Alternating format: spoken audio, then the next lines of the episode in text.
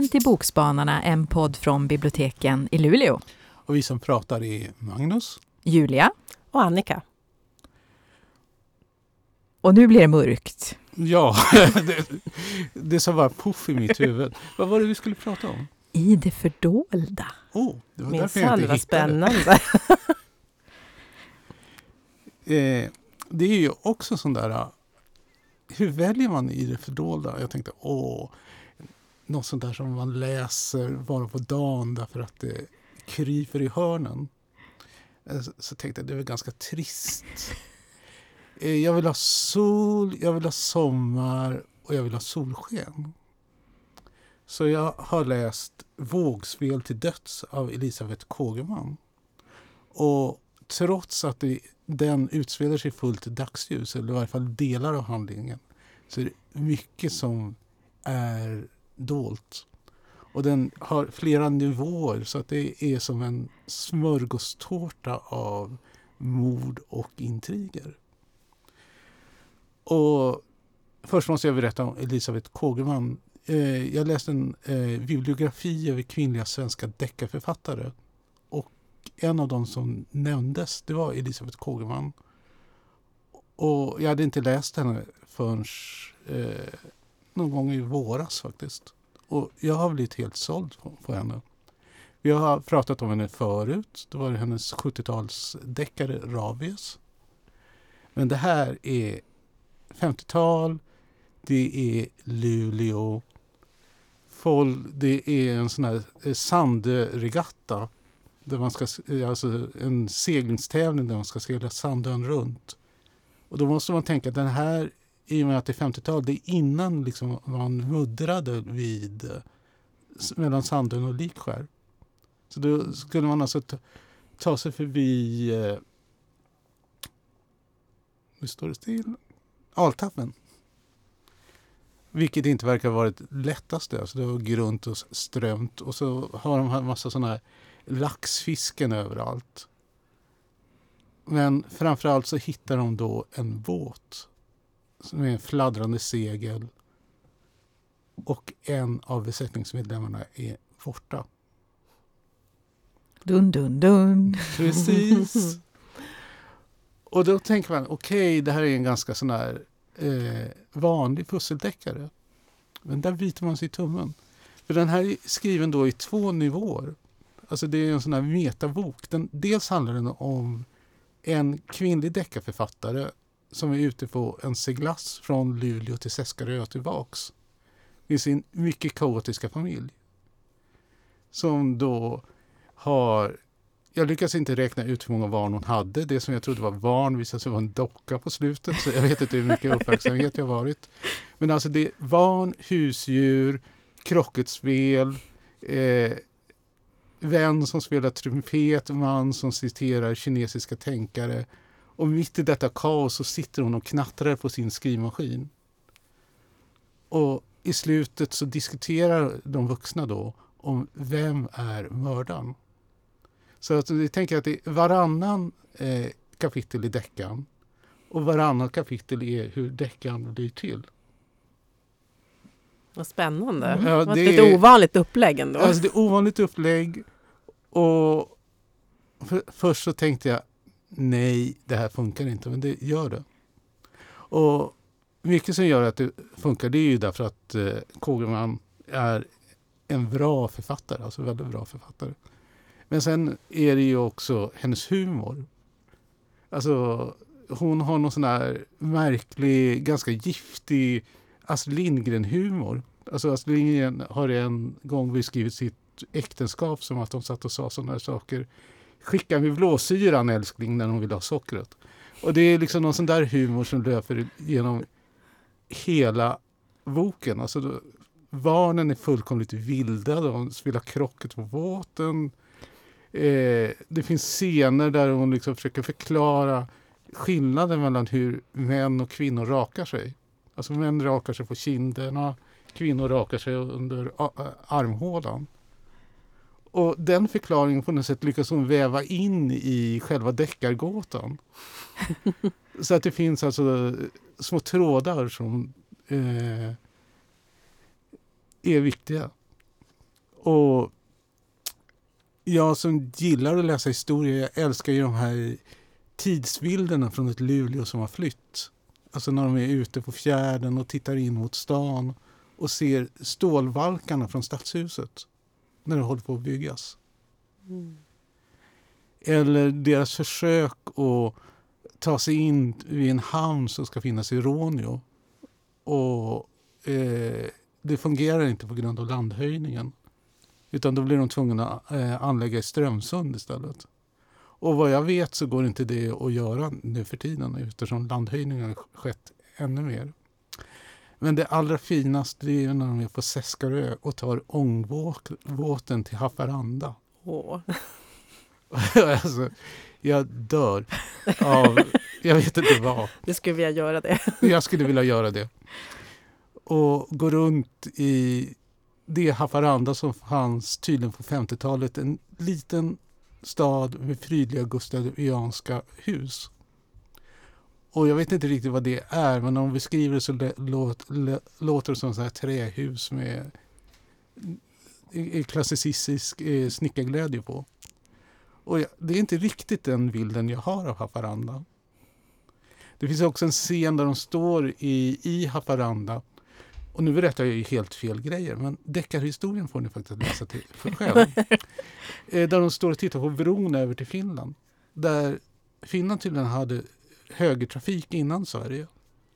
Så då far vi, eh, bilarna eh, från vänster sida och så byter de alltså fil över till höger. Mycket fascinerande tanke.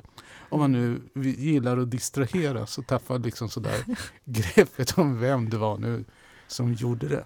Haparanda innan Ikea. Haparanda innan Ikea. Haparanda innan högertrafik. Mm. Mm. Eh, så jag kan bara rekommendera er, bli en magasinskramare, låna gamla böcker och bli kanske inte förskräckt över skicket de är i. För det är lite tråkigt. Jag ska visa upp hur den ser ut. Ja, den är väldigt gul. Jo, och det är därför att pappret som den är tryckt på inte är det bästa. Alltså det är trähaltigt och det innehåller syra. Mm. Och syran liksom håller på att äta upp boken. Mm. Så skynda er innan den rämnar. Jag tycker det passar ganska bra ihop mm. med det här gammaldagsstilen och 50-talet också. Mm. Lite är det sådär man tänker oj, nu kör jag fingret igenom om jag bläddrar för hårt. Och det gör man ju när det blir spännande och knogarna vitnar. Ja, jag tyckte det här, äh, bara titeln med, med vågspel mm. passade ju väldigt bra in i, i temat i det fördolda. Jag har också en titel som jag tycker passade lite på det och det heter, den här boken heter Dimdans av Malin Hedin. Och nu förflyttar vi oss också lite tillbaks i tiden till 1983. Mm. Inte riktigt lika långt då som till 50-talet men, men väl några decennier bort. Och det är midsommar och vi är i en liten by i Dalarna och det är liksom ett samhälle där, där alla känner alla. Och det här är då Sylvias andra sommar i den här byn. Hon har flyttat hit då för, eh, för sin kärleks skull, för Kjell. Eh, och hon är ursprungligen från Stockholm och, och, hon är konstnär och hon älskar ju naturen och lugnet här och fåglarna. Hon lär sig namnen på liksom fåglarna vid fågelmatbordet och det här passar ju henne perfekt. Då. Eh, första sommaren så var hon ju ganska liksom blyg och så här på den här midsommarfesten. Men nu, nu har hon kommit in i det hela så att eh, det känns bättre den här sommaren. Hon har också en, en bästa väninna som heter Maria. Och Maria är eh, 20 år, hon är fem år yngre än Sylvia. Så att det är lite så här, kanske lite udda att de ändå blir bästa kompisar. Men det blev så i alla fall. De, de funkar väldigt bra ihop. Eh, Maria har en treårig dotter som heter Therese. Hon blev ju mamma ganska tidigt, gravid när hon var 16 år. Och vem som är far till barnet, det, det vet inte ens Sylvia. Och det är ingen i byn som i princip vet det, utom möjligtvis hennes mamma då, Greta. Eh, om någon vet det överhuvudtaget. Eh, men i alla fall på den här midsommarafton så då träffas ju bygdens olika familjer och de samlas i, i Marias hus som är en gammal tradition att de samlas i det här huset och firar hela byn tillsammans. Och nu, är, nu nu hyr Maria och hennes dotter det här huset. Eh, men det har hållits midsommarfester här tidigare. Och alla har med sig mat till den här festen och man, man dansar små grodorna och liksom umgås och pratar och så. Eh, det blir en del eh, fylla på den här festen. Vissa kommer att vara otrogna. Eh, och Maria då i sin tunna turkosblå klänning här är ju liksom festens medelpunkt som drar till sig alla blickar. Hon är lite av ett sånt här mytologiskt väsen som eh, som liksom trollbinder de andra, både med sin, sin personlighet, med hennes skratt, det så här klingande hörs överallt. Hon är väldigt charmig och liksom och så, men också sin, sin fysiska skönhet. Så där. Eh, men mitt i den här festen eller någon gång under kvällen så, så försvinner eh, Therese, alltså Marias lilla flicka här då. Och gästerna de, de börjar leta och ropa och Sylvia hon, hon kommer att tänka på ån som rinner här i närheten med sina dammluckor. Och hon vet att det finns något smultronställe där som, som Maria har visat för, för Therese. Och hon tänker förskräckt att herregud, tänk om hon har gått ner sig i ån och drunknat. Så hon, hon vadar ut i det här kalla vattnet och, och liksom söker flickan. Men då, då visar det sig att eh, det är Theres mormor Greta som har kommit och hämtat eh, Therese eh, under den här festen och tagit hem henne och inte riktigt berättat det för de andra. Hon har, ja, de har inte uppmärksammat att hon har varit och hämtat flickan. Så att det lugnar ner sig den här upprörda stämningen och liksom återgår då till, till det normala. Eh, och den här kvällen, den övergår i natt och det, festen slutar lite i ett töcken och, och dimman sveper in här över ängarna och de här ljusa nätterna och folk raglar hemåt. Men morgonen efteråt så är Maria försvunnen. Och eh, Marias eh, plånbok och kappa är också borta. Och det, går, det ryktas då om att, att hon har stuckit. Liksom hon har blivit trött på att vara den här unga mamman och liksom dragit iväg och liksom, nu vill hon ha äventyr. Och det är på ett sätt kanske inte helt otänkbart att hon skulle ha gjort något sånt. Hon var väldigt så impulsiv och, och liksom värderade frihet ganska högt och sådär. Och egensinnig kan man säga.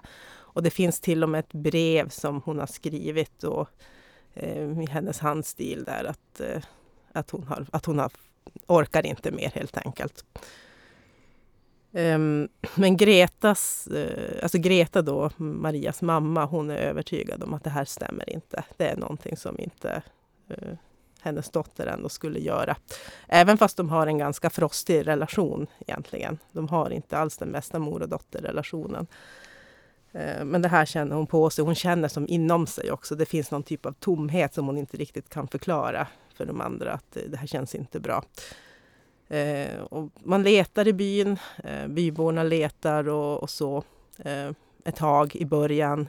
Sen faller det bort lite grann. Och, eh, inte ens polisen verkar ta det här riktigt på allvar i och med att hon har som sagt att hon har ja, farit iväg. Och det finns inget som tyder på att det ska ha skett något brott heller. och så.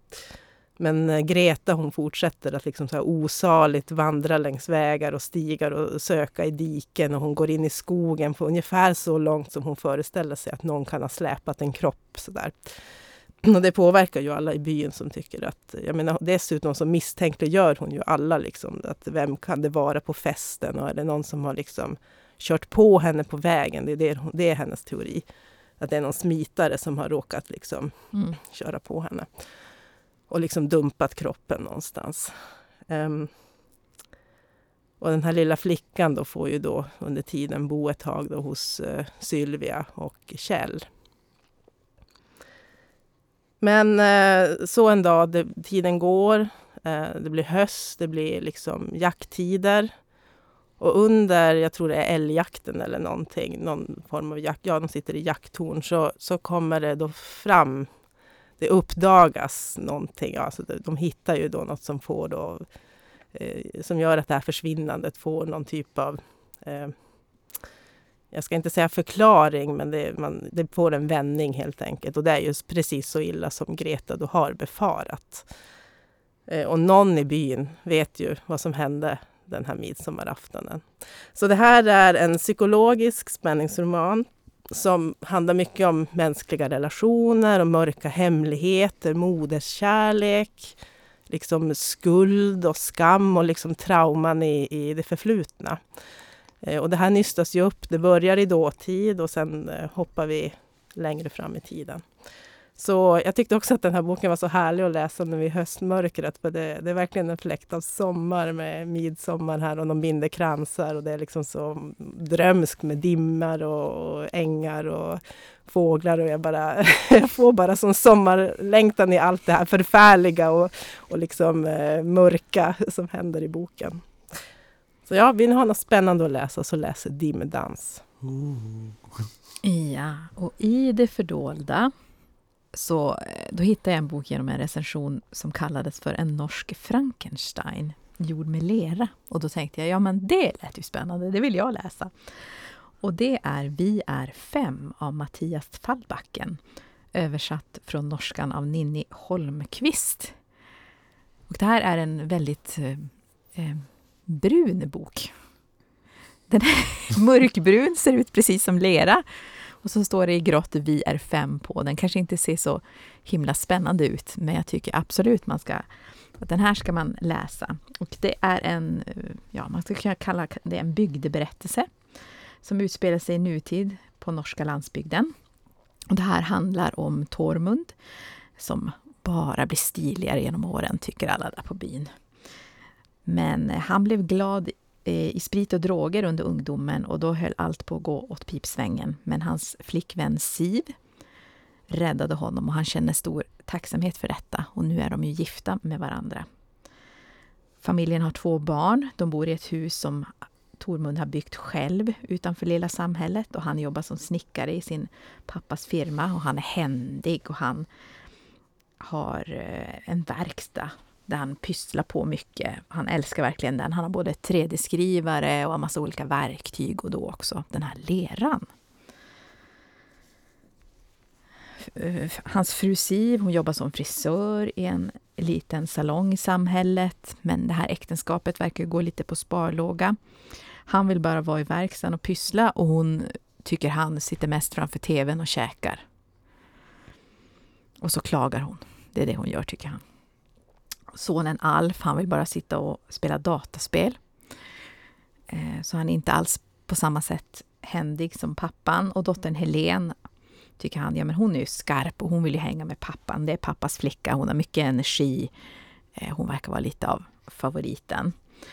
Och så skaffar den här familjen då en hund som de alla gillar skarpt. Till och med liksom frun Siv som var emot från början. Och nu verkar ju familjelivet bli lite roligare nu när alla har någon att ta hand om. Men sen plötsligt en dag så är den här hunden försvunnen. Ingen vet var den har tagit vägen, så då börjar han tillbringa Tormund mer tid i verkstaden istället för då inne med familjen. Men han tar med sig barnen då för att leka och att de ska få testa de här leran och de har alla väldigt roligt även om då frun klagar på, jag menar, ska de verkligen vara där? Kan det inte vara farligt med alla verktyg och alla saker? Eh, eh, han börjar läsa in sig på det här med lera, han börjar experimentera med lera, lägga, alltså sätta till olika ämnen till leran. Ehm, och då börjar han reagera på olika sätt. Och sen efter ett stort svek av hustrun så blir han allt mer besatt av den här leran. Och jag ska inte säga vad det är för svek, det får man läsa. Ehm, och han får besök plötsligt av den här ungdomens dåliga inflytande, den här kompisen du vet, som introducerar sprit och drogerna och som han inte har träffat på många, många, många år. Och då tar saken en helt ny vändning. För familjen är borta under kompisens besök och då faller han av vagnen. Så i ett rus av droger och alkohol så experimenteras det. Liksom. Då har den här kompisen med något nytt ämne då som de blandar i den här degklumpen och sen kopplar de på ström. Och sen efter den galna helgen, då börjar den här lerklumpen förflytta sig av sig själv. Mm. Och vad har nu han väckt till liv och hur påverkar det liksom på familjen? För att han börjar experimentera med den, till slut får barnen vara med för han tycker inte att den verkar något farlig. Den får ut, du vet, den får hålla i typ en skruv, den får göra, du vet, han ställer den för att få den göra olika saker. Eh, och han får, han, jag menar, det kan börja enklare helt plötsligt. Ja, men då sätter de den och hackar, så då hackar den alla grönsakerna till tacosen. Tänk vad lättsamt och bra. Den hackar alla gurkor och alla, allting hackar den och fixar. Så den får mer då tillgång till familjen och omgivningen runt. Men vad händer när den här liksom klumpen börjar få egna begär och till flyr liksom bort för att den, ja, jag vet inte, kanske är lite trist där hemma hos dem, eller hur behandlar de, hur de behandlar den. Och då börjar den terrorisera bygden.